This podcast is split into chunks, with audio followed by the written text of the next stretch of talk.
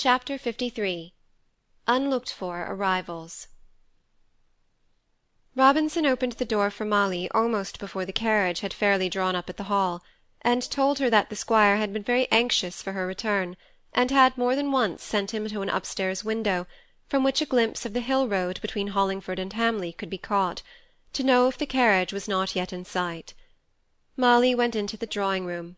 The squire was standing in the middle of the floor awaiting her in fact longing to go out and meet her, but restrained by a feeling of solemn etiquette, which prevented his moving about as usual in that house of mourning. He held a paper in his hands, which were trembling with excitement and emotion, and four or five open letters were strewed on a table near him. It's all true, he began. She's his wife, and he's her husband. Was her husband. That's the word for it. Was. Poor lad! Poor lad! It's cost him a deal. Pray God it wasn't my fault. Read this, my dear. It's a certificate. It's all regular. Osborne Hamley to Marie Aimée Scherer, parish church and all, and witnessed. Oh dear! He sat down in the nearest chair and groaned. Molly took a seat by him and read the legal paper, the perusal of which was not needed to convince her of the fact of the marriage. She held it in her hand after she had finished reading it, waiting for the squire's next coherent words, for he kept talking to himself in broken sentences. Ay, ay, that comes of temper and crabbedness. She was the only one as could and I've been worse since she was gone. Worse, worse, and see what it has come to. He was afraid of me. I afraid. That's the truth of it. Afraid. And it made him keep all to himself, and care killed him. They may call it heart disease. Oh, my lad, my lad, I know better now. But it's too late. That's the sting of it. Too late. Too late. He covered his face and moved himself backward and forward till Molly could bear it no longer. There are some letters, said she. May I read any of them? At another time she would not have asked, but she was driven to it now by her impatience and the speechless grief of the old man. "Ay, read 'em, read 'em," said he. "Maybe you can. I can only pick out a word here and there. I put 'em there for you to look at and tell me what is in 'em." Molly's knowledge of written French of the present day was not so great as her knowledge of the French of the Memoires de Sully, and neither the spelling nor the writing of the letters was of the best but she managed to translate into good enough colloquial English some innocent sentences of love and submission to Osborne's will, as if his judgment was infallible, and of faith in his purposes, little sentences in little language that went home to the squire's heart. Perhaps if Molly had read French more easily, she might not have translated them into such touching, homely, broken words. Here and there there were expressions in English, these the hungry-hearted squire had read while waiting for Molly's return. Every time she stopped, he said, "Go on." He kept his face shaded, and only repeated those two words at every pause. She got up to find some more of Aimée's letters. In examining the papers, she came upon one in particular. "Have you seen this, sir? This certificate of baptism," reading aloud, "of Roger Stephen Osborne Hamley born June the 21st, 18 blank, child of Osborne Hamley and Marie Aimée, his wife. Give it me, said the squire, his voice breaking now, and stretching forth his eager hand. Roger, that's me. Stephen, that's my poor old father. He died when he was not so old as I am, but I've always thought on him as very old. He was main and fond of Osborne when he was quite a little one. It's good of the lad to have thought on my father Stephen. Ay, that was his name. And Osborne. Osborne Hamley. One Osborne Hamley lies dead on his bed. And t'other, t'other I've never seen and never heard on till to-day. He must be called Osborne, Molly. There is a Roger, there's two for that matter, but one is a good-for-nothing old man, and there's never an Osborne any more unless this little thing is called Osborne. We'll have him here, and get a nurse for him, and make his mother comfortable for life in her own country. I'll keep this, Molly. You're a good lass for finding it out. Osborne Hamley. and if God will give me grace, he shall never hear a cross word from me, never. He shan't be afeard of me. Oh, my Osborne, my Osborne! he burst out. Do you know now how bitter and sore is my heart for every hard word as I ever spoke to you? Do you know now how I loved you, my boy, my boy? From the general tone of the letters, Molly doubted if the mother would consent, so easily as the squire seemed to expect, to be parted from her child. The letters were not very wise, perhaps, though of this Molly never thought but a heart full of tender love spoke words in every line. Still it was not for Molly to talk of this doubt of hers just then, but rather to dwell on the probable graces and charms of the little Roger Stephen Osborne Hamley. She let the squire exhaust himself in wondering as to the particulars of every event, helping him out in conjectures, and both of them, from their imperfect knowledge of possibilities, made the most curious, fantastic, and improbable guesses at the truth and so that day passed over, and the night came. There were not many people who had any claim to be invited to the funeral, and of these Mr. Gibson and the squire's hereditary man of business had taken charge. But when Mr. Gibson came, early on the following morning, Molly referred the question to him, which had suggested itself to her mind, though apparently not to the squire's, what intimation of her loss should be sent to the widow, living solitary near Winchester, watching and waiting, if not for his coming who lay dead in his distant home, at least for his letters. One from her had already come, in her foreign handwriting, to the post office to which all her communications were usually sent, but of course they at the Hall knew nothing of this.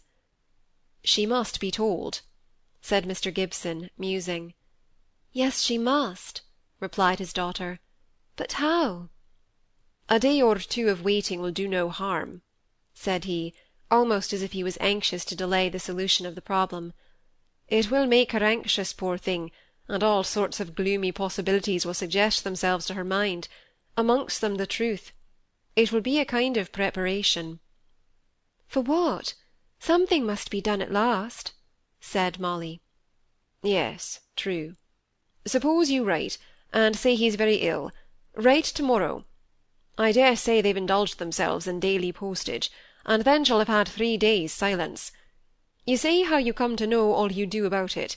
I think she ought to know he is very ill, in great danger, if you like, and you can follow it up next day with the full truth. I wouldn't worry the squire about it.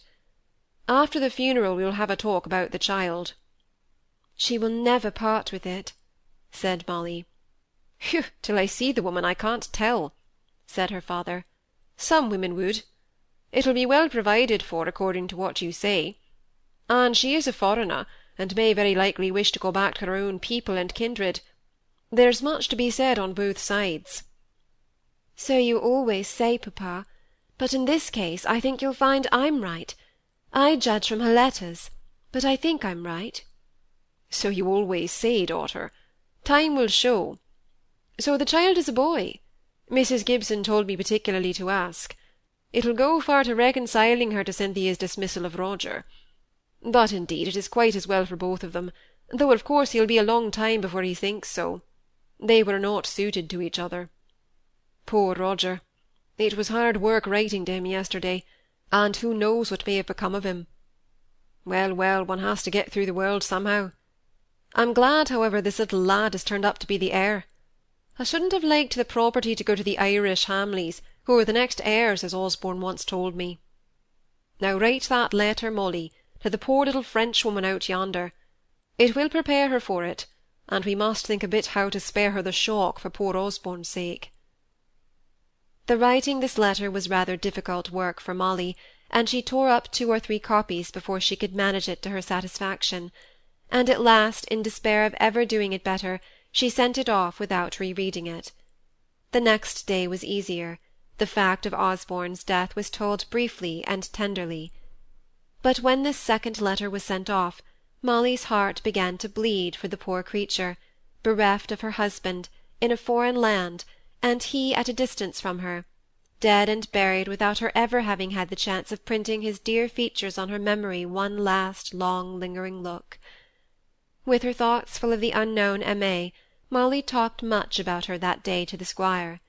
He would listen for ever to any conjecture, however wild, about the grandchild; but he perpetually winced away from all discourse about the Frenchwoman, as he called her, not unkindly, but to his mind she was simply the Frenchwoman, chattering, dark eyed, demonstrative, possibly even rouged. He would treat her with respect as his son's widow, and would try even not to think upon the female inveiglement in which he believed.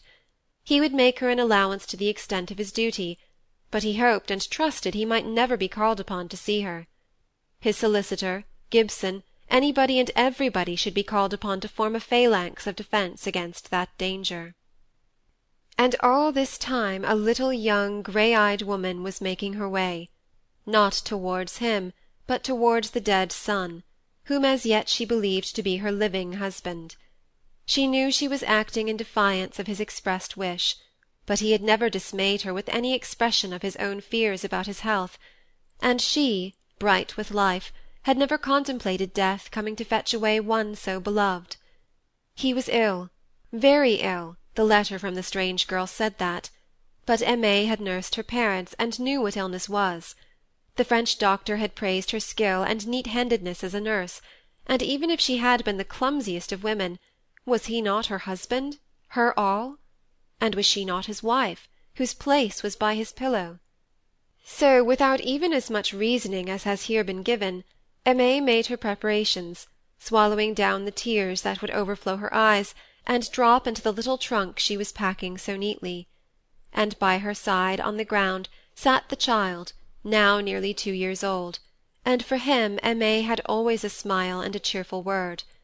Her servant loved her and trusted her, and the woman was of an age to have had experience of humankind.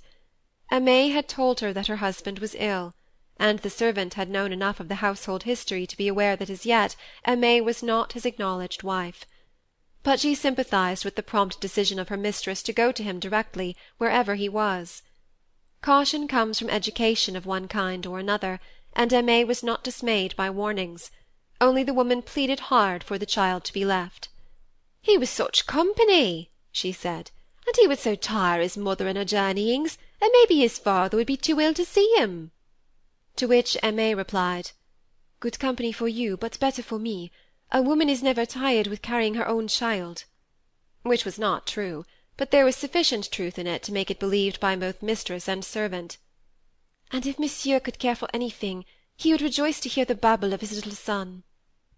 So Aimée caught the evening coach to London at the nearest cross-road, Martha standing by as chaperone and friend to see her off, and handing her in the large lusty child, already crowing with delight at the sight of the horses. There was a lingerie shop kept by a Frenchwoman, whose acquaintance Aimée had made in the days when she was a London nursemaid, and thither she betook herself, rather to an hotel, to spend the few night hours that intervened before the Birmingham coach started at early morning. She slept or watched on a sofa in the parlour, for spare bed there was none.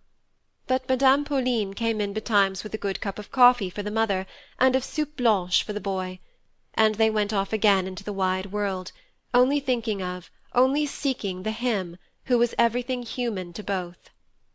Aimée remembered the sound of the name of the village where Osborne had often told her that he alighted from the coach to walk home, and though she could never have spelt the strange uncouth word, yet she spoke it with pretty slow distinctness to the guard, asking him in her broken English when they should arrive there. Not till four o'clock. Alas! and what might happen before then?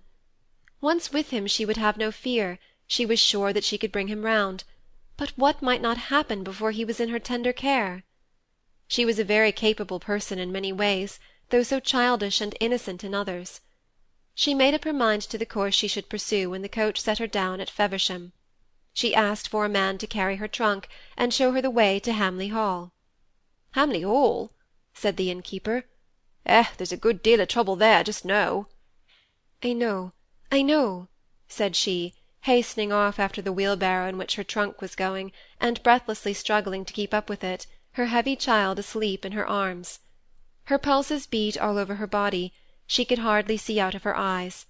To her, a foreigner, the drawn blinds of the house, when she came in sight of it, had no significance. She hurried, stumbled on. Back door or front, missus? asked the boots from the inn. The most nearest, said she, and the front door was the most nearest.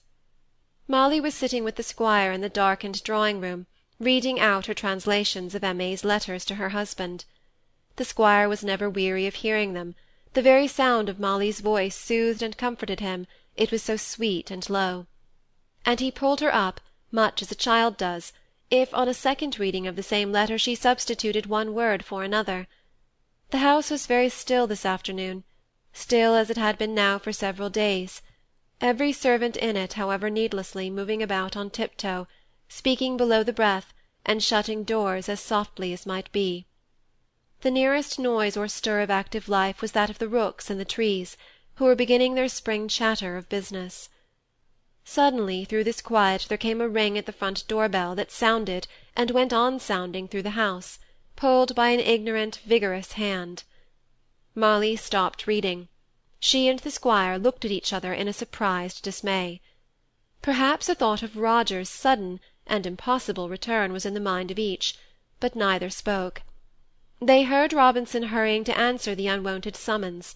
They listened, but they heard no more there was little more to hear. When the old servant opened the door, a lady with a child in her arms stood there. She gasped out her ready-prepared English sentence. "Can I see Mr. Osborne Hamley? He is ill, I know, but I am his wife."